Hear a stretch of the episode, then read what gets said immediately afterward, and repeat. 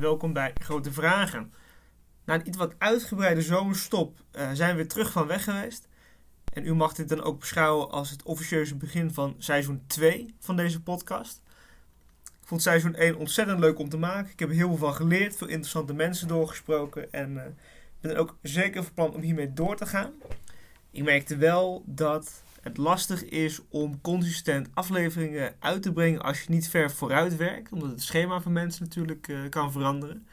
Dus ik heb besloten dit seizoen een beetje anders aan te pakken. Ook omdat ik zelf wat drukker ben nu met uh, studie en werk, ga ik minimaal één keer per maand een podcast uitbrengen. Maar ik merk al iets verder vooruit. Dus ik heb een aantal afleveringen al op de plank liggen om er van, zeker van te zijn dat ik uh, elke maand een aflevering kan brengen. Het gesprek wat u nu gaat horen heb ik dan ook al opgenomen voor de zomer. Het is een gesprek met uh, Jacqueline Hilkema. En Jacqueline Hilkema is ook uitgebreid in de podcast zelf naar voren gekomen. Die is uh, kunst- en cultuurhistorica aan Universiteit Leiden. En we hebben het over uh, nepnieuws, over complotten en over vervalsingen. Nou, mocht u denken, goh, de afgelopen maanden is er ook een bepaald complot geweest wat ik heel interessant vind. Waarom hebben ze daar niet over? Nou, dat komt dus omdat wij deze aflevering ergens voor de zomer al hebben opgenomen dan weet u dat. Ja, valt er verder nog wat zinnigs over te zeggen? Ik denk het niet. Ik, uh, ja, ik kan alleen nog melden, ik heb ontzettend veel zin om door te gaan met seizoen 2. Uh, ik hoop dat u er ook wat aan heeft. En bij deze dan door naar de podcast. Hallo en welkom allemaal bij uh, Grote Vragen. Ik ben hier met Jacqueline Hilkema. Jacqueline, welkom. Dank je. Jacqueline, ik ken jou als, als kunsthistorica onder andere. wij hebben samengewerkt, of ik ja, samengewerkt is een groot woord. Maar ik, heb jou geholpen bij je onderzoek op een gegeven moment als student. Um, zou je voor degenen die jou nog niet kennen, even kort kunnen uitleggen uh, wat je precies doet en hoe je daar terecht bent gekomen? Ik ben universitair docent kunst- en cultuurgeschiedenis bij Leiden University College The Hague. Ik moet zeggen dat ik mij meer zie als cultuurhistorica dan kunsthistorica. Mijn benadering tot kunst is toch dat ik kunst als een uiting zie van maatschappelijke meningen, gedragingen en het ook op die manier benader. Uh, dus ik ben cultuurhistorica. Mijn specifieke onderzoeksveld is vervalsing en met name vervalsing in de 17e eeuw. Nederland, Engeland, Frankrijk, maar op het moment vooral gericht op uh, Amsterdam in de Nederlandse Republiek en Londen. Juist, en als we het dan hebben over vervalsingen, gaat het dan over van uh, ja, iemand die, die, die doet alsof het werk van een beroemde schilder is? Of is het ook breder, het is in, breder. in die zin? Het is absoluut breder. Een van de dingen die ik heel erg weinig doe, is een schilderij dat van een andere schilder zou moeten zijn. Ik ben eigenlijk begonnen uh, met mijn promotieonderzoek uh, over uh, de relatie tussen toneel en bedrog in de 17e eeuw. Maar ik heb het eerste gedeelte van mijn onderzoek aan het Warburg Institute in Londen gedaan.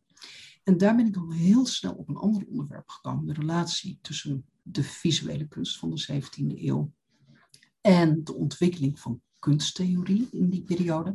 Maar dat werd al heel snel breder met andere disciplines, maar ook andere vormen van bedrog.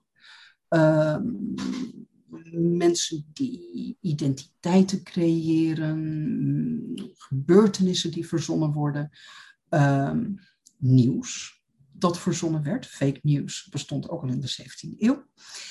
En ja, zelfs iemand die een compleet land verzon. Um, dus het werd steeds breder. Maar waar ik naar bleef kijken, dat waren de structurele overeenkomsten. En die bleken heel groot te zijn. Ja, dus je hebt inderdaad de benadering uh, in kunstgeschiedenis die ook alleen vanaf de ontwikkeling van de kunst zelf komt. Hè? Dus bijvoorbeeld dat je, je komt in een museum terecht. En het gaat eigenlijk alleen maar over, nou, eerst had je dit perspectief, toen kwam er dit perspectief als reactie op deze kunstenaar. Maar waar jij ook naar geïnteresseerd bent, is die relatie uh, tussen cultuur en kunst. En dan kunst als uiting van die cultuur en wat daar precies gebeurt. En waar ik dan erg benieuwd naar ben, um, nou, je zegt van hè, nepnieuws was er ook al in de, in de 17e eeuw. Voor al deze vervalsingen uh, vraag ik me af, is het iets van alle tijden heb jij gewoon heel erg geïnteresseerd in de 17e eeuw? Of gebeurt er iets in die vroegmoderne tijd? Mag ook jaren 85 zijn hoor. Maar gebeurt er iets in die vroegmoderne tijd uh, waar dat opeens belangrijker wordt dan dat het daarvoor was? Absoluut, absoluut.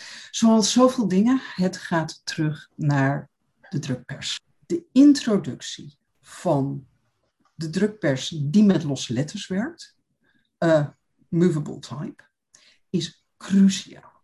Dat zorgt voor een enorme explosie aan vervalsing. Het bestond natuurlijk voor de vroegmoderne periode, maar met de introductie van die drukpers in de 16e eeuw zie je opeens ja, een explosie aan vervalsing. En dat is ook niet zo verwonderlijk, want um, vervalsers hadden voor het eerst een geweldige methode om een tekst te verzinnen, maar ook om deze te drukken. En dat betekende dus ook dat je geen manuscript meer hoefde te maken. Je kon huppakee van je eigen manuscript een uh, gedrukt werk produceren, maar je hoeft dus niet met een middeleeuws manuscript te gaan zwaaien. Dat is veel moeilijker om te maken. Mhm. Uh, maar ook, het was vreselijk veel makkelijker door de drukpers om zo'n vervalsing te verspreiden. En ook aan de kant van de lezer en de criticus uh, was die introductie van de drukpers heel erg belangrijk.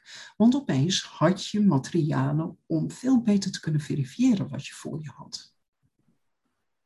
Even kijken, hoe, hoezo kon je makkelijker verifiëren dan? Gewoon in de zin dat, dat er meer teksten in omloop waren? Nee, had bronnen. Want bronnen werden natuurlijk ook uh, gedrukt. Uh, verhandelingen van wetenschappers kwamen in omloop. Je had als lezer ook toegang tot veel meer informatie waar je kon opzoeken of iets klopte of aannemelijk was. Juist, dus een beetje wat je nu misschien als verstelling ziet in het internet. Hè? Als mijn vader vroeger met zijn vrienden een onzinnige discussie had, dan kwam, dan kwam er nooit achter in welk jaar Stalin precies geboren was. Mhm. Maar als ik diezelfde discussie niet heb, dan kan, kan ik dat opzoeken. En dan ben je er ook gewoon snel uit. Dan heeft iemand gelijk. En een beetje die, uh, die verandering in hoe beschikbaar informatie is. Misschien heeft iets, iets vergelijkbaars plaatsgevonden toen in die vroegmoderne tijd met die drukpers. Dat opeens van, ja, er, is gewoon veel meer geschreven. En daardoor kan je dingen met elkaar gaan vergelijken. Je kan afwegen, je kan checken. Uh, waar komt dit eigenlijk vandaan? En dat zorgt er dus ervoor um, ja, in die zin dat het voor iedereen makkelijk wordt om ideeën te verspreiden. En waarschijnlijk ook om valse ideeën te verspreiden. Precies, het werd makkelijker om valse ideeën te verspreiden, maar het werd ook gemakkelijker om vervalsingen te kunnen beoordelen. Er is een hele beroemde vervalsingszaak aan het einde van de 17e eeuw over de zogenaamde uh, brieven van Valadus, waar uh, je twee kampen ziet, de Royal Society uh, aan de ene kant in Londen en dan heb je de ancients, die als hoofdkwartier Christchurch en Oxford hebben, en die ruzie gaan maken over een klassieke tekst. En daarbij wordt heel duidelijk aangegeven dat um, hoe wetenschappers op dat moment naar teksten kijken en kunnen beoordelen of ze al dan niet vals zijn, dat dat heel erg leunt op die enorme hoeveelheid aan textueel materiaal dat ze tot hun beschikking hebben. Dat die zoveel groter is dan ooit tevoren. Zodat ze echt na kunnen gaan of een chronologie klopt of er anachronismen in een tekst zitten. En daarmee um, krijg je niet alleen um, strategieën voor het ontmaskeren van een vervalsing. Maar dat heeft ook een enorme impuls aan de ontwikkeling van de wetenschap gegeven. Ja, het is net het hele huidige systeem zoals wij dat kennen. Dus ik, nou, ik heb een bepaald idee en dan publiceer ik dat. Maar voordat ik dat kan publiceren, moeten daar allemaal andere mensen overheen om te kijken of het ergens op slaat. En of die verwijzingen wel kloppen of, of de bronnen niet kloppen. Uh, dat, dat wordt pas, nou, ik weet niet of het pas mogelijk wordt, maar dat wordt veel makkelijker. Eh, om zo'n systeem te hebben op het moment dat er zoveel tekst in omloop is. Dan ben ik geen uh, expert op de geschiedenis van de universiteit, maar ik kan me voorstellen dat juist door deze technische mediatie als het ware, juist omdat je door die technologie zoveel meer informatie hebt, dat allemaal vakgebieden zijn um, die opeens beter kan bestuderen. Van, ik geloof dat dit ook ongeveer de tijd is dat, nou goed, dat heeft ook allemaal andere redenen. Maar dat, dat men, men meer naar de geneeskunde gaat kijken op een academische wijze. Uh, dat, dat planten en dieren worden gecategoriseerd. Dat lijken me allemaal dingen die meer empirisch zijn en minder abstract, in het, zoals in de theologie. Uh, die ook pas mogelijk worden of een stuk makkelijker worden op het moment dat je al die teksten hebt. Dus kan je iets zeggen over de wat je weet van de ontwikkeling van die vakgebieden en de ontwikkeling van de drukpers, in hoeverre dat met elkaar te maken heeft? Uh, ja, daar is absoluut een relatie. Uh, de drukpers maakt het mogelijk voor de wetenschappers die naar teksten kijken, en dan heb je het met name over religieuze teksten, om te kunnen verifiëren of ze in het officiële kanon horen of niet, of dat het wellicht vervalsingen zijn. En ja, die drukpers is daar gewoon cruciaal in, omdat die bronnen er zijn. Maar in de 17e eeuw is het wetenschappelijk kijken naar vervalsing echt het veld van de filologie. En naarmate um, dat vordert, krijg je een soort culturele basis voor vervalsingsonderzoek. Die absoluut onderdeel is geweest van de aanloop naar de verlichting. De verlichting, je ziet ook een andere benadering van vervalsing ontstaan rond het begin van de 18e eeuw. En de Battle of the Books, die ik net noemde, is daar ook cruciaal in geweest. Dat is ook echt een soort omslagpunt. De verlichting begint zich ook veel meer bezig te houden met het effect van vervalsing op de toeschouwer. En het effect van vervalsing op de cultuur. En het moreel afwijzen van vervalsing betekent niet dat er tijdens de verlichting niet vervals zou worden. Integendeel, eh, de 18e eeuw, de eeuw van de verlichting, geldt als de golden age of forgery. En zelfs een aantal mensen die wij heel erg associëren met de verlichting, de grote verlichtingsdenkers. Ik denk aan Franklin. Absoluut. Benjamin Franklin. Een van de meest, ja, ehm, wat je in het Engels prolific noemt, vervalsers van de 18e eeuw. Maar de houding is anders. Juist, dus er is een soort van absolute maatstaf om je naar te verhouden. Van, ik heb ook wel eens het, onderscheid gehoord tussen een, in het Engels een, een liar en, en een bullshitter is dan een, een leugenaar die weet nog van ja, dit is die objectieve maatstaf van dit is waar en dit is hoe ik het verdraai. En voor de bullshitter, zo, zo, zo werd Trump bijvoorbeeld omgedraaid, boeit het allemaal niet meer. Dan is gewoon alles maar een bewering en dan kan je dat zeggen. En misschien heb je dat dan, uh, wie het over hebt in de verlichting ook, van ja, zelfs al zijn er nog veel vervalsingen, is er wel een veel sterker idee van oké, maar dit is wel hoe de dingen echt zijn. Dit is de waarheid, dit correspondeert ermee. En dit is een verdraaiing daarvan. Ja, ja, en er komt ook uh, een nieuwe vorm van moraliteit ten opzichte van bedrog. Uh, men is veel strenger. Nou wil ik niet zeggen dat in de 17e eeuw men niet streng was. Er werd absoluut nagedacht over um, grenzen. Maar om je een goed voorbeeld te geven, in de 17e eeuw zie je nog heel sterk dat in de beeldende kunst het effect van je kijker bedriegen uh, wat later uh, de trompe wordt genoemd. Dus dat je als toeschouwer een schilderij ziet met een fluwelen tafelkleed. Dat zo realistisch is dat je hand uitsteekt om het te aaien. En dan, ja, het is canvas. Dat was echt een soort ideaal in de 17e eeuwse kunst.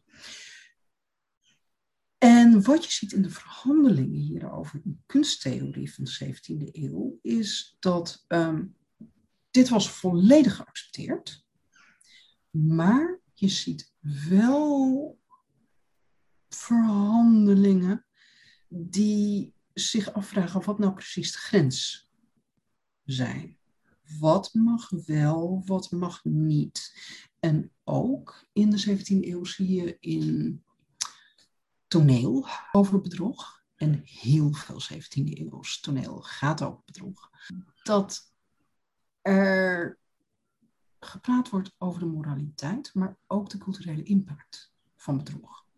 Want dat is iets wat wij in onze research clinic ook voortdurend tegenkwamen. Die onzekerheid onder het grote publiek, de angst. Lezen wij iets dat wellicht niet klopt? Laten we ons beïnvloeden door iets dat niet klopt? Juist. En, ik, heb, ik heb een beetje twee gedachten over. Ten eerste is, met je reactie op wat je zegt, van dat in die verlichting, dat bijvoorbeeld ook in de schilderkunst minder geaccepteerd wordt, of er over nagedacht wordt van, goh, mag je de kijker wel, wel, wel bedriegen in die zin? Is dat het misschien niet zozeer is uh, dat men daarvoor bedrog wel heel acceptabel vindt, vond. nou nee, dit, mhm. dit werd in de 17e mhm. eeuw uh, als acceptabel geacht. Mhm. Maar dat een beetje dat, dat idee van uh, wat valt daaronder? Wat, wat, wat is nou bedrog? Wat, wat is nou het bedriegen van iemand? Dat de definitie daarvan verbreedt.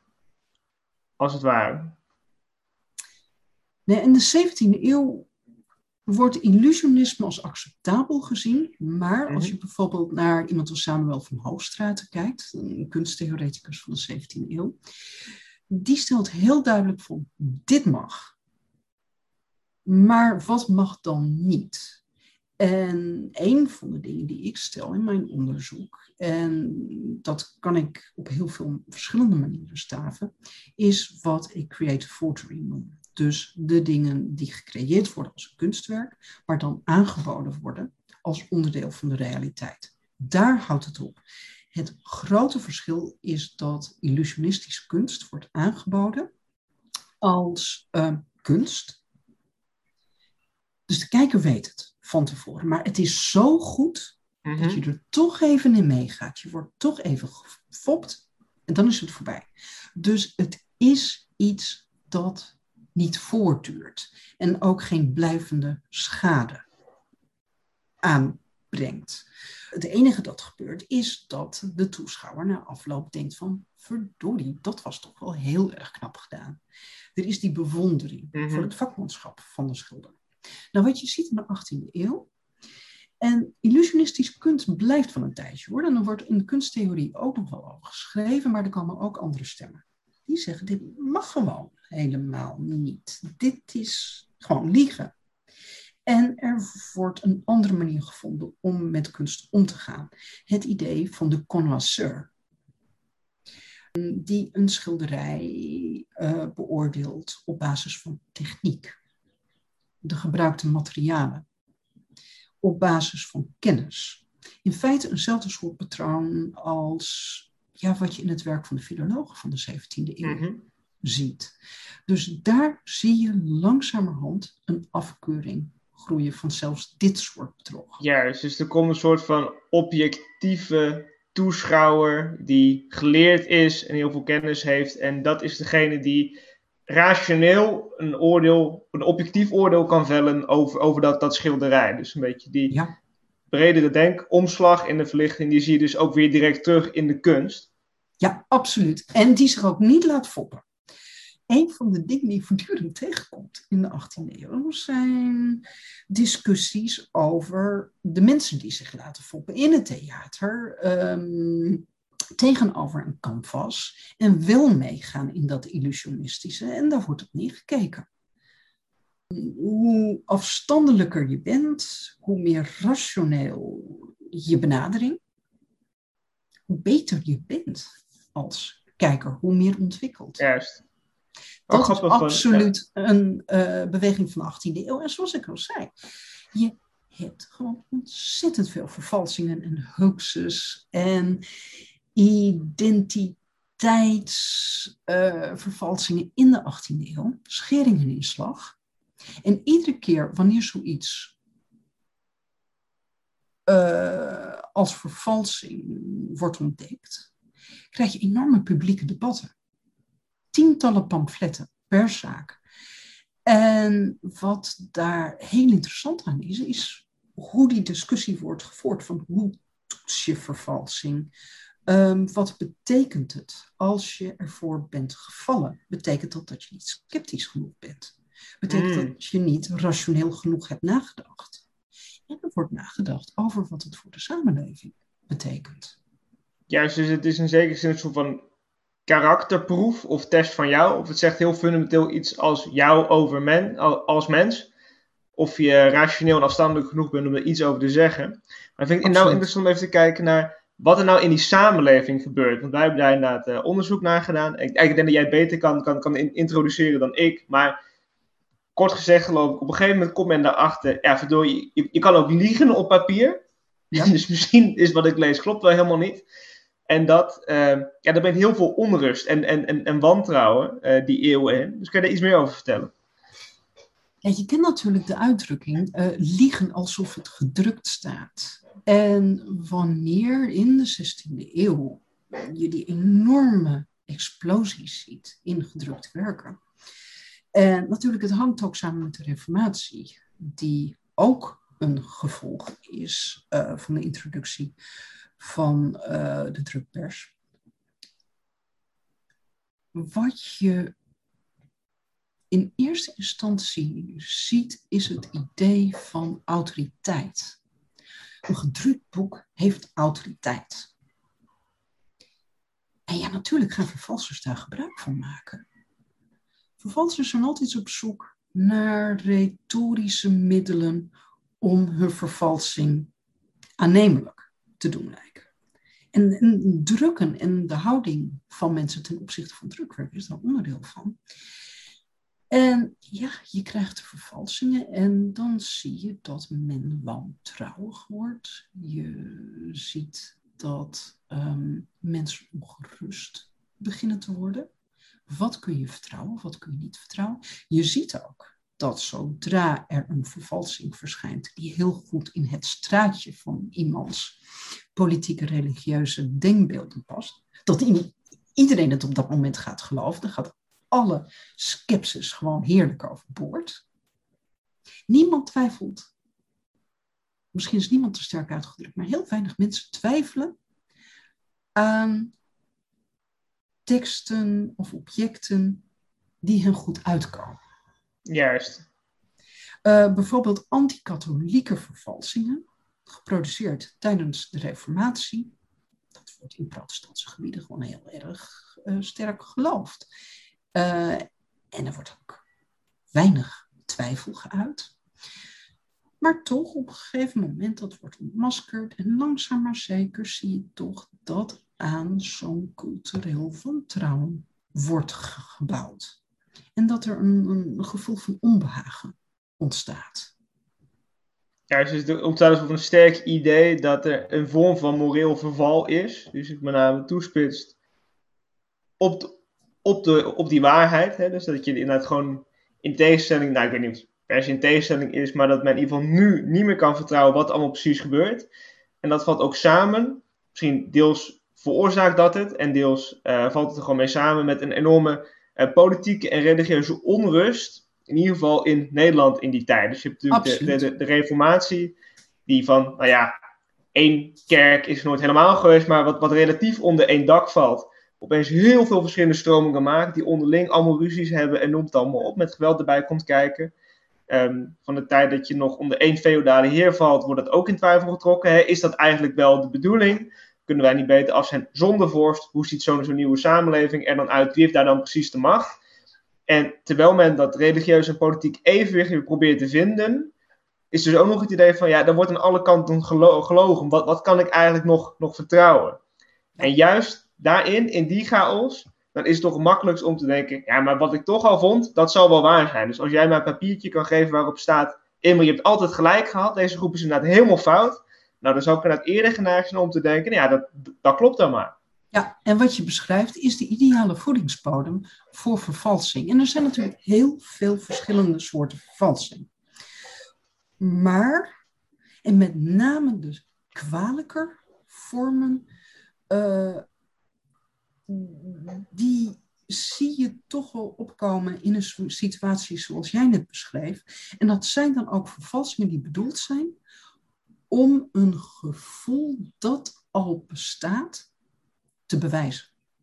Dat er opeens een object is, bij wijze, of nou niet bij wijze van spreken, er zijn verschillende vervalsingen gemaakt om te bewijzen dat Jezuïeten schurken waren.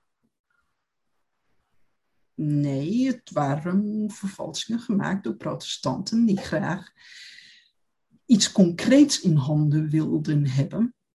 om te kunnen bewijzen dat Jezuïeten schurken waren. En vervalsingen die bedoeld zijn om al die ja, onderbuikgevoelens vorm te geven. En een stok te hebben om mee te kunnen slaan. Ja, dat, dat is natuurlijk ook wel iets, iets van alle tijden, kan ik me voorstellen. Dus oh, ja. ik ben de naam, naam even kwijt. Maar ik geloof dat er ook ooit zo'n stoïcijns filosoof is geweest die dan ja, een neptraktaat van Epicurus heeft geschreven om te laten zien dat, dat, dat die man ook al nergens van afwist. En dat, dat hij ook alleen maar van, van het vele drinken en dergelijke was. Dus dit dat is natuurlijk iets van alle tijden. Ja. Dit is iets van alle tijden. Alleen wat je in de vroegmoderne periode ziet, is je hebt een zeer explosieve situatie door heel Europa. En later natuurlijk ook bijvoorbeeld uh, de Verenigde Staten, want in de context van vroegmoderne vervalsing, geloof me, zijn de Verenigde Staten uh, heel belangrijk in de 18e eeuw. Maar uh, je hebt een hele explosieve uh, situatie en je hebt die drukpers, die het zo gemakkelijk maakt om te vervalsen en die vervalsingen te verspreiden. Juist. En als, als we nou eventjes uitzoomen, hè? Uh, want het is mhm. natuurlijk nou ja, afgelopen, nou, ik denk tien jaar, misschien nog iets korter, zeker rondom Amerikaanse presidentsverkiezingen van 2016, um, ehm, heel veel te doen geweest om uh, fake news. Ja. Uh, er is nou het idee van, nou, hebben we geloofd? Ik, ik, ik heb misschien wel honderd Volkskrant columns gelezen die ongeveer gaan als volgt. Nou, vroeger geloofden allemaal in één waarheid en dan kon je misschien nog over oneens zijn, maar had je nog een rationeel debat. Maar nu weet je niet meer wat, wat je moet geloven. En nu, nu wordt het echt ondoenlijk. Uh, dit is een unieke situatie, nooit eerder voortgekomen. En nu gaat het allemaal mis. Uh, ja, ja, Hoe, hoe lees jij dat soort dingen? Uh, hoe lees ik dat soort dingen? Met zekere bezorgdheid. Ja. want kijk, iedere nieuwe golf aan technologie brengt nieuwe vervalsing met zich mee.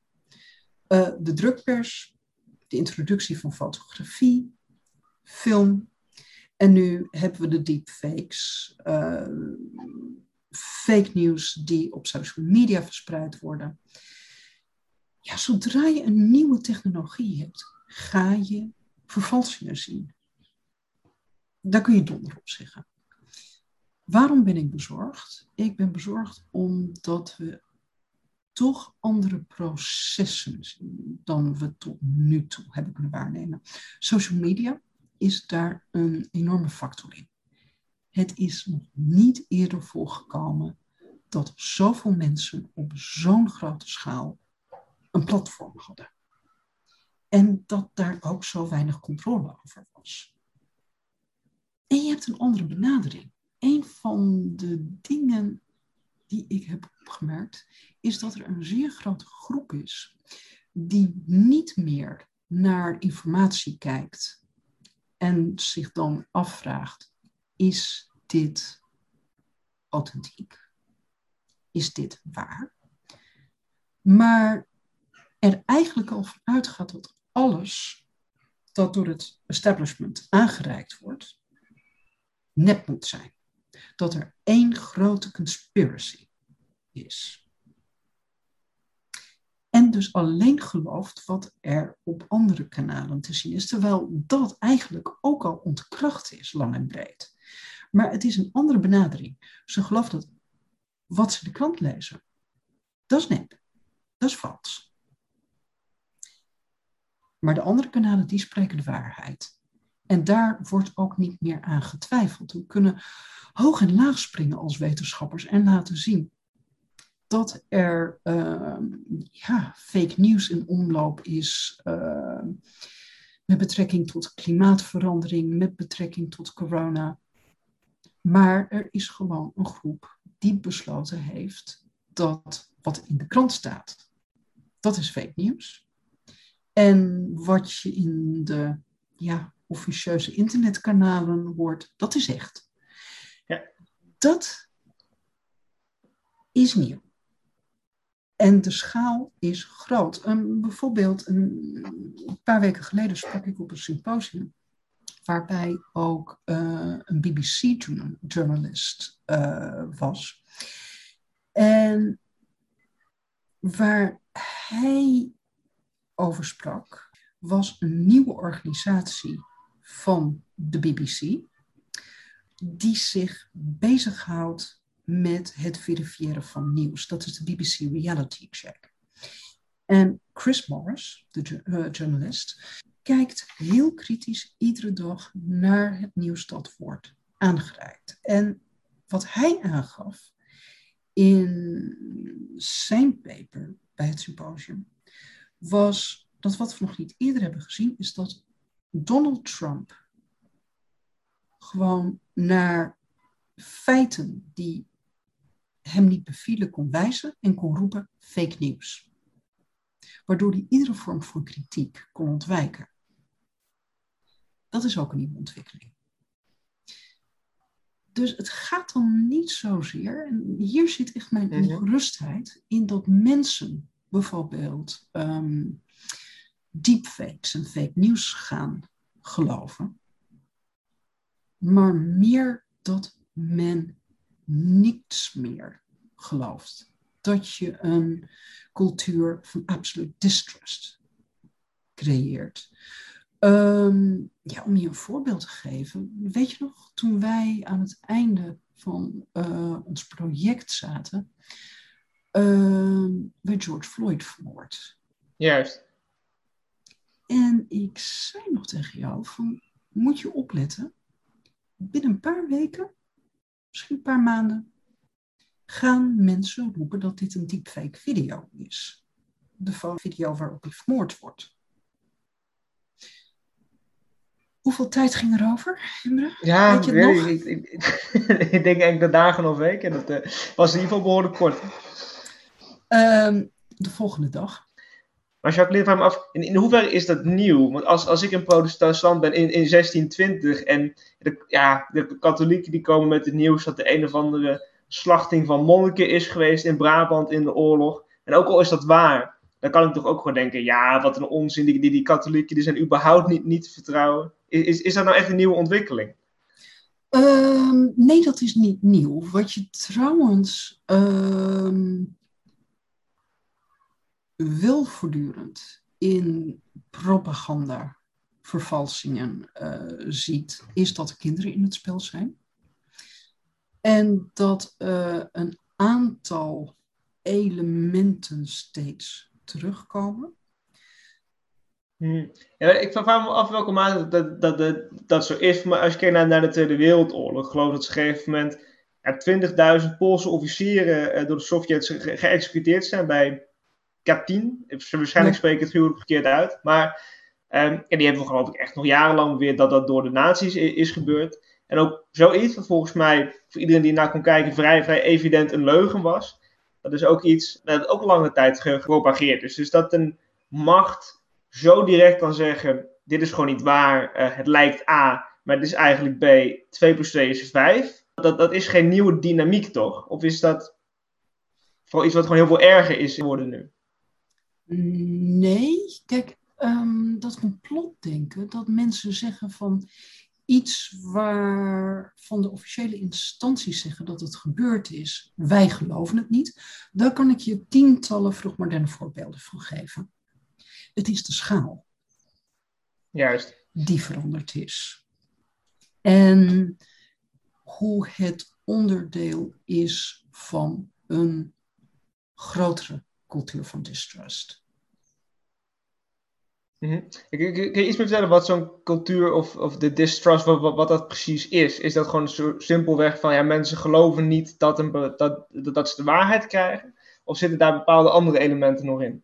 Oh, daar zitten andere elementen in hoor, want het gaat veel verder.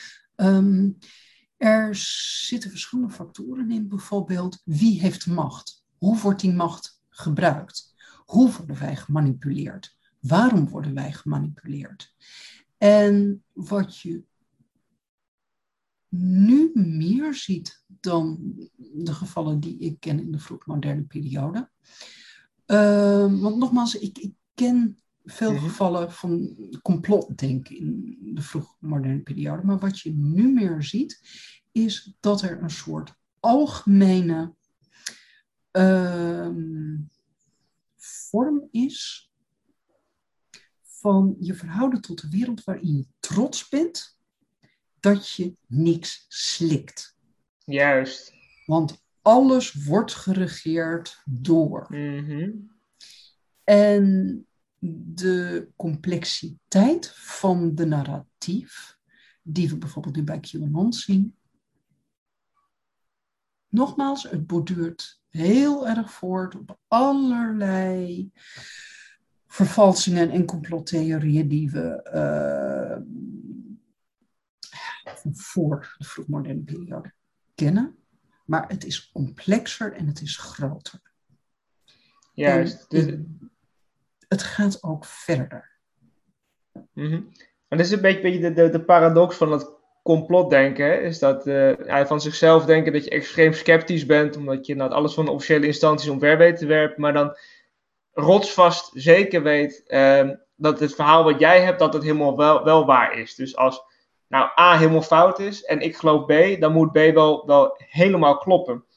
En dan ook nog het geloof hebben van, en je hebt dus hele klassen aan intelligente mensen, journalisten, uh, academici, uh, noem het allemaal op.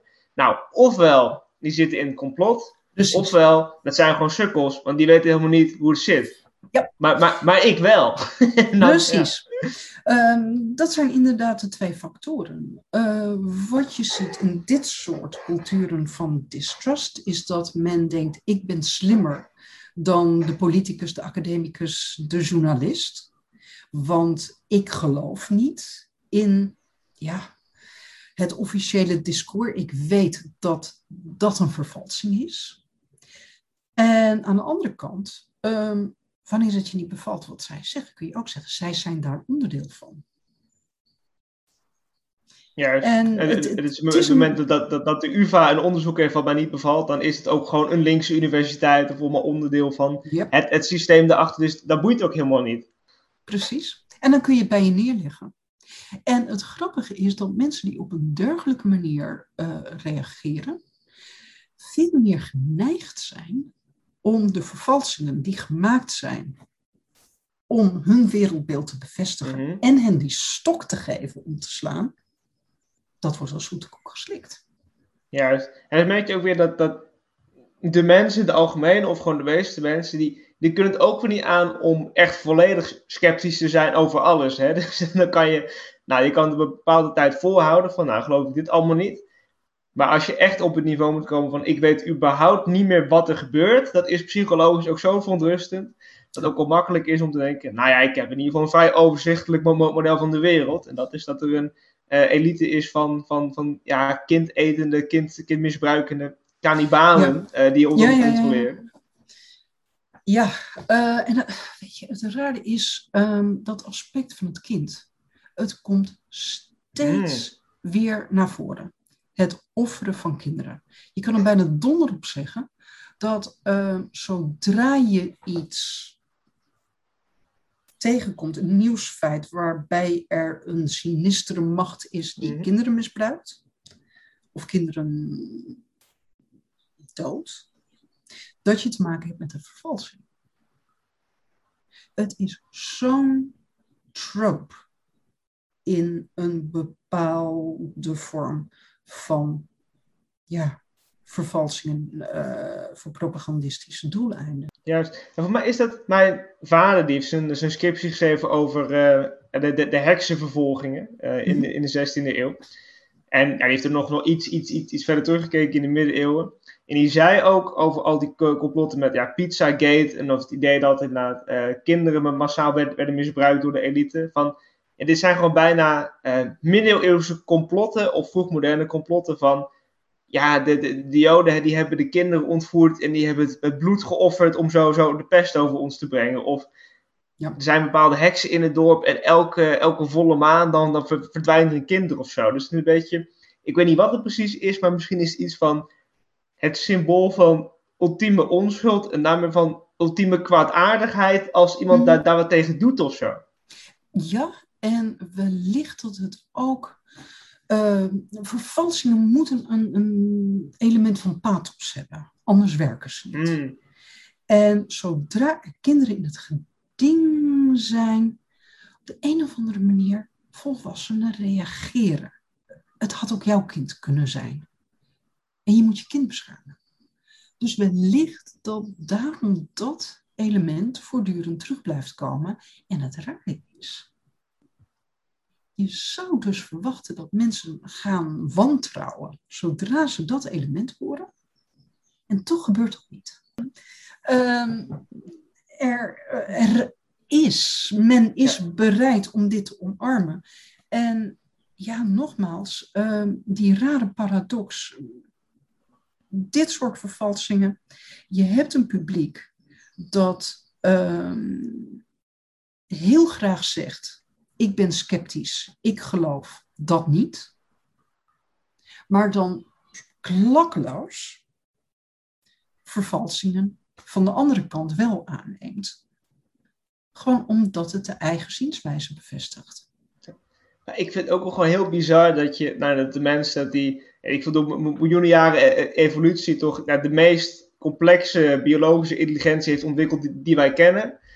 En dat je dat hele systeem bij veel mensen gewoon plat, plat kan leggen. Door gewoon te, te hijacken. Dat je zegt van ja, maar het gaat hier om kinderen. Dus dat je dat nog mhm. oudere instincten van die ouderliefde. Wat als zoogdier nog, nog veel, veel verder teruggaat. Dat je dat een soort van inzet tegen het hele rationele vermogen. En dan is, en dan is iets zo erg. Uh, wat zegt het dan over jou dat je, dat je daaraan dan twijfelt? Hè? Als, als er allemaal kinderen worden vermoord door, door de Joden in de buurt wat ben jij dan voor gruwelijke kinderhater? Wat ben jij voor verschrikkelijk mens dat je niet meegaat in dat verhaal? Absoluut, ja. Ja, en dat, ja, dit zijn verschrikkelijke vervalsingen. En ik moet je ook heel eerlijk zeggen, wanneer ik dit soort zaken bestudeer, um, het is schrijnend. En de schade die ze aanrichten, uh, want bijvoorbeeld uh, de anti-Jezuïtische vervalsingen, die ik eerder noemde. Um, zelfs degenen die al heel snel uh, ontmaskerd zijn, zoals uh, de Monita Secreta uit 1615, dat is nog eeuwen doorgegaan. Ondanks het feit dat bekend was dat ze vervalst waren, dat blijft in omloop, dat blijft aangehaald worden om anti-katholieke, anti-jezuïtische propaganda te maken. En ja, hetzelfde inderdaad met antisemitische vervalsingen. En het heeft een enorm schadelijke invloed gehad. Ik ben bezorgd, zoals ik je al vertelde over hoe de situatie zich aan het ontwikkelen is. Ehm, ik moet er meteen wel bij zeggen dat ik ook positieve ontwikkelingen zie. Um, want weet je, iedere keer dat een nieuwe technologie is geïntroduceerd, heeft de mens strategieën ontwikkeld om vervalsingen te ontmaskeren. Ehm, dat geldt voor de verspreiders zelf. In de vroegmoderne periode zie je dat drukkers en verenigingen van drukkers um, gaan bijhouden hoe betrouwbaar een bron is, hoe betrouwbaar de tekst is. En bijvoorbeeld ehm, niet gaan drukken, zolang ze niet weten of een tekst wel of niet vals is. Ehm, ik kwam tijdens mijn onderzoek in de Register of the Stationers Company in Londen um, een hele aardige notitie tegen. een pamflet over een ontmoeting met een zeemeermin uh, in de Noordzee.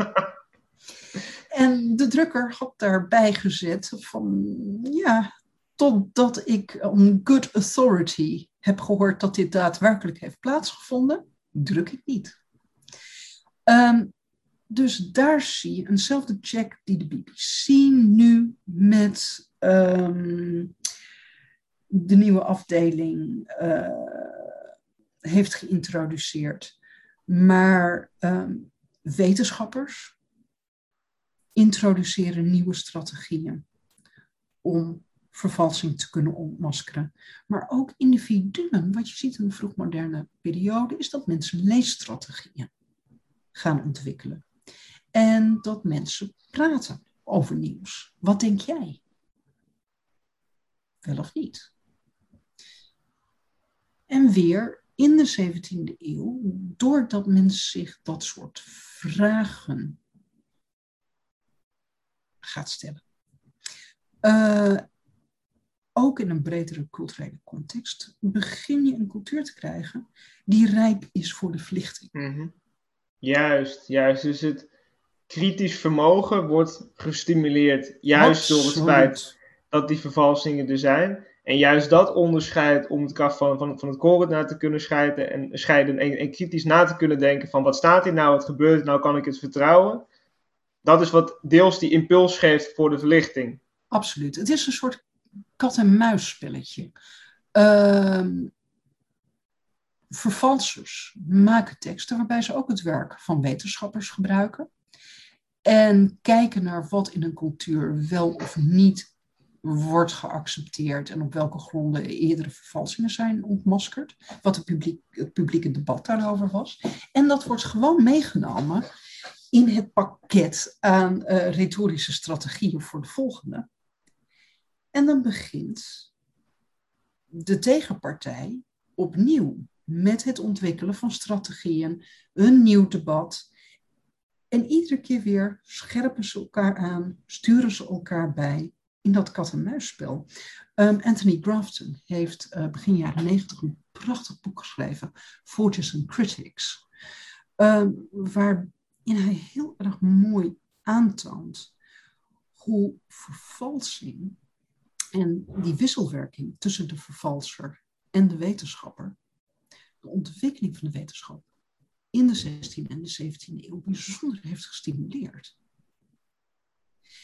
En ja, hier zie ik dus wel degelijk uh, positieve elementen in de huidige situatie. De mens is vindingrijk. Mm. Ja, maar uiteindelijk komt ze ook eigenlijk heel veel op, op wat voor vertrouwen heb je er nou in? Hè? Dus ik vertrouw eerst het medium, dan blijkt dat ik het medium niet meer kan vertrouwen. Maar dat betekent niet dat het alles weg is, maar dan moet ik iets anders vinden. Dus misschien als mijn broer het ook vindt, die ik vertrouw, dat het wel zo is. Of misschien complexer later. Uh, ik vertrouw het proces van hoor en wederhoor in de journalistiek. En als ik weet dat de Volkskrant dat goed uitvoert, nou dan, dan ga ik ervan uit dat dit ongeveer klopt. Of ik geloof in het proces uh, van, van, van, van, van peer review en dat een universiteit goed onderzoek doet. Dus als Universiteit Leiden dit publiceert, dan neem ik ook aan dat het grotendeels zal kloppen. Dus je moet eigenlijk gewoon steeds complexere strategieën bedenken om te zien wat kan ik nou vertrouwen en wat kan ik niet vertrouwen. En juist die ontwikkeling van complexere strategieën heeft dat denken enorm aangescherpt. Absoluut. Kijk, een klein beetje vervalsing is helemaal niet zo slecht voor een cultuur. Het scherpt. En wat we nu zien is dat verspreiders van informatie heel goed gaan nadenken over het begrip van vertrouwen. Wat is vertrouwen? En in hoeverre is vertrouwen gerelateerd aan betrouwbaarheid, authenticiteit, autoriteit? En wat je bijvoorbeeld uh, bij de BBC nu ziet met de Reality Check Department uh, van Chris Morris, is dat er nagedacht wordt over hoe kunnen we trust definiëren en presenteren. Hoe kunnen we dat opnieuw vormgeven? En ik denk dat dat het begin is van een tegenwerking, waar wel degelijk tegenwicht geboden gaat worden. Um, ja, je noemde net al de peer review. We hebben de afgelopen jaren in de wetenschappelijke wereld uh, een paar hoaxes uh, gehad. Waarbij uh, wetenschappers artikelen indienden bij wetenschappelijke tijdschriften. met complete onzin. Gewoon om te kijken of het geaccepteerd werd. In hoeverre zou dat door peer review komen? Nou, de resultaten waren, waren schrikbarend echt de eh, grootste onzin is uh, gepubliceerd. En dat geeft wel een reality check. En de laatste uh, case, dat was een jaar of twee geleden, heeft hele valide vragen opgeroepen over hoe goed werkt peer review nog? Hoe betrouwbaar is peer review? En de peer reviewers hebben die nog wel genoeg tijd om dit te doen? In hoeverre is dat gerelateerd aan de algemene crisis die op dit moment in de universitaire wereld heerst. Dus een beetje vervalsing kan geen kwaad. En scherpt aan. Dwingt tot nadenken. Dwingt tot helder blijven, kritisch blijven. Nadenken over kernbegrippen. Mhm. Maar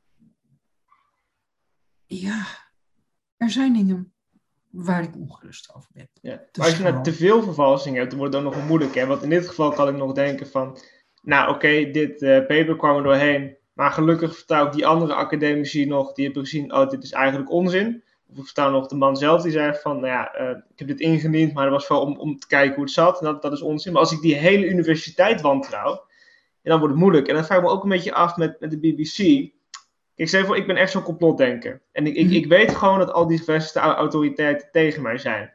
En dan ga ik op Facebook kijken en dan staat er weer een, een of ander onzinbericht. En dan staat erbij, volgens de BBC is dit niet waar. Ja, ja dat, dat, dat zegt zeg maar ook, ook niet heel veel, toch? Maar kwam ik in het begin van de pandemie kwam ik iets tegen dat de Europese sociaaldemocraten zeiden van... Ja, er is heel veel misinformatie over corona, maar wij zeggen dat het niet klopt. En toen dacht ik, ja, maar jullie zitten ook gewoon in het complot. Als ik, als ik nou toch al wantrouwen heb tegenover de universiteiten, politieke partijen en nieuwsmedia... In, in, hoeverre helpt dit dan? Ehm, het gaat een bepaalde groep niet op andere gedachten brengen. Eh, maar, en nu denk ik even heel specifiek aan eh, de reality check eh, department van de BBC. Het kan wellicht helpen om een grotere groep niet af te laten glijden. De hardcore conspiracy thinkers, die bereik je niet. Ik denk niet dat die überhaupt nog BBC kijken. Maar wellicht de grotere groep, daar kun je nog grip op houden. Daar kun je een nieuwe relatie mee bouwen, zodat het probleem niet groter wordt.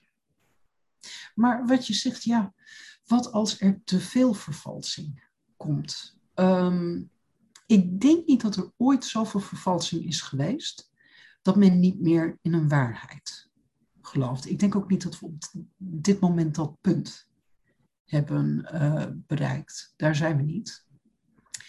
Stel dat we ooit dat punt zouden bereiken wanneer het concept van waarheid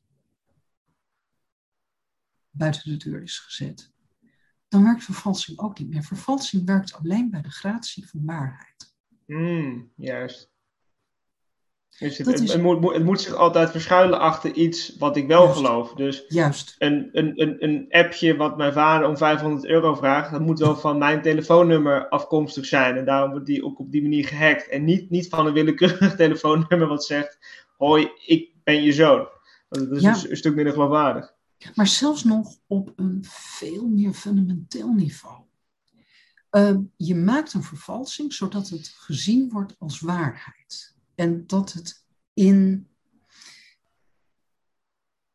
de realiteit wordt verweven.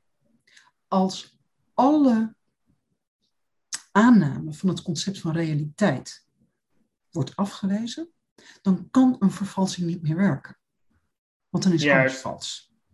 Dus dat een, een, een complete skepsis, eh, dat zit er niet aan te komen. En dat, dat lijkt me psychologisch voor de meeste mensen ook, ook, ook, ja, ook vrij, vrij onhoudbaar trouwens hoor. Dat, Ehm, we zijn echt niet op het punt dat iedereen denkt dat alles vals is.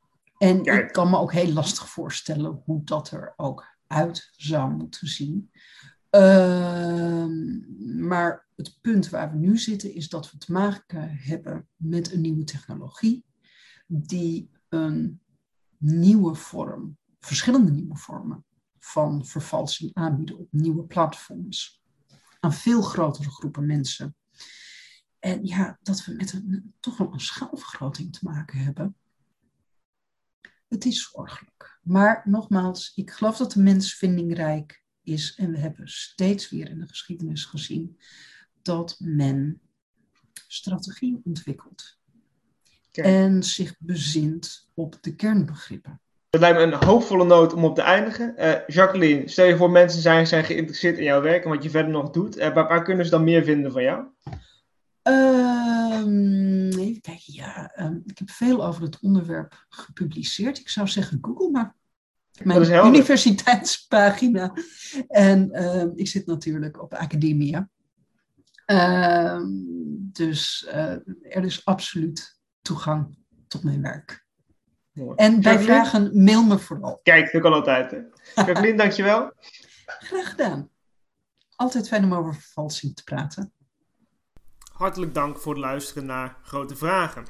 Voordat ik afsluit, uh, wil ik nog even Koen de Boer bedanken voor de muziek die hij heeft gemaakt voor deze podcast. Meer van zijn muziek kunt u vinden in de show notes. Mocht u denken, wat een ontzettend leuke podcast, dit moeten mijn vrienden ook horen. Ik zeg, hou die gedachten vast en uh, deel het vooral met ze. Facebook, uh, LinkedIn, welke andere sociale mediakanalen op dit moment gebruikt wordt. Mond-tot-mond reclame. En heel bedankt voor het luisteren.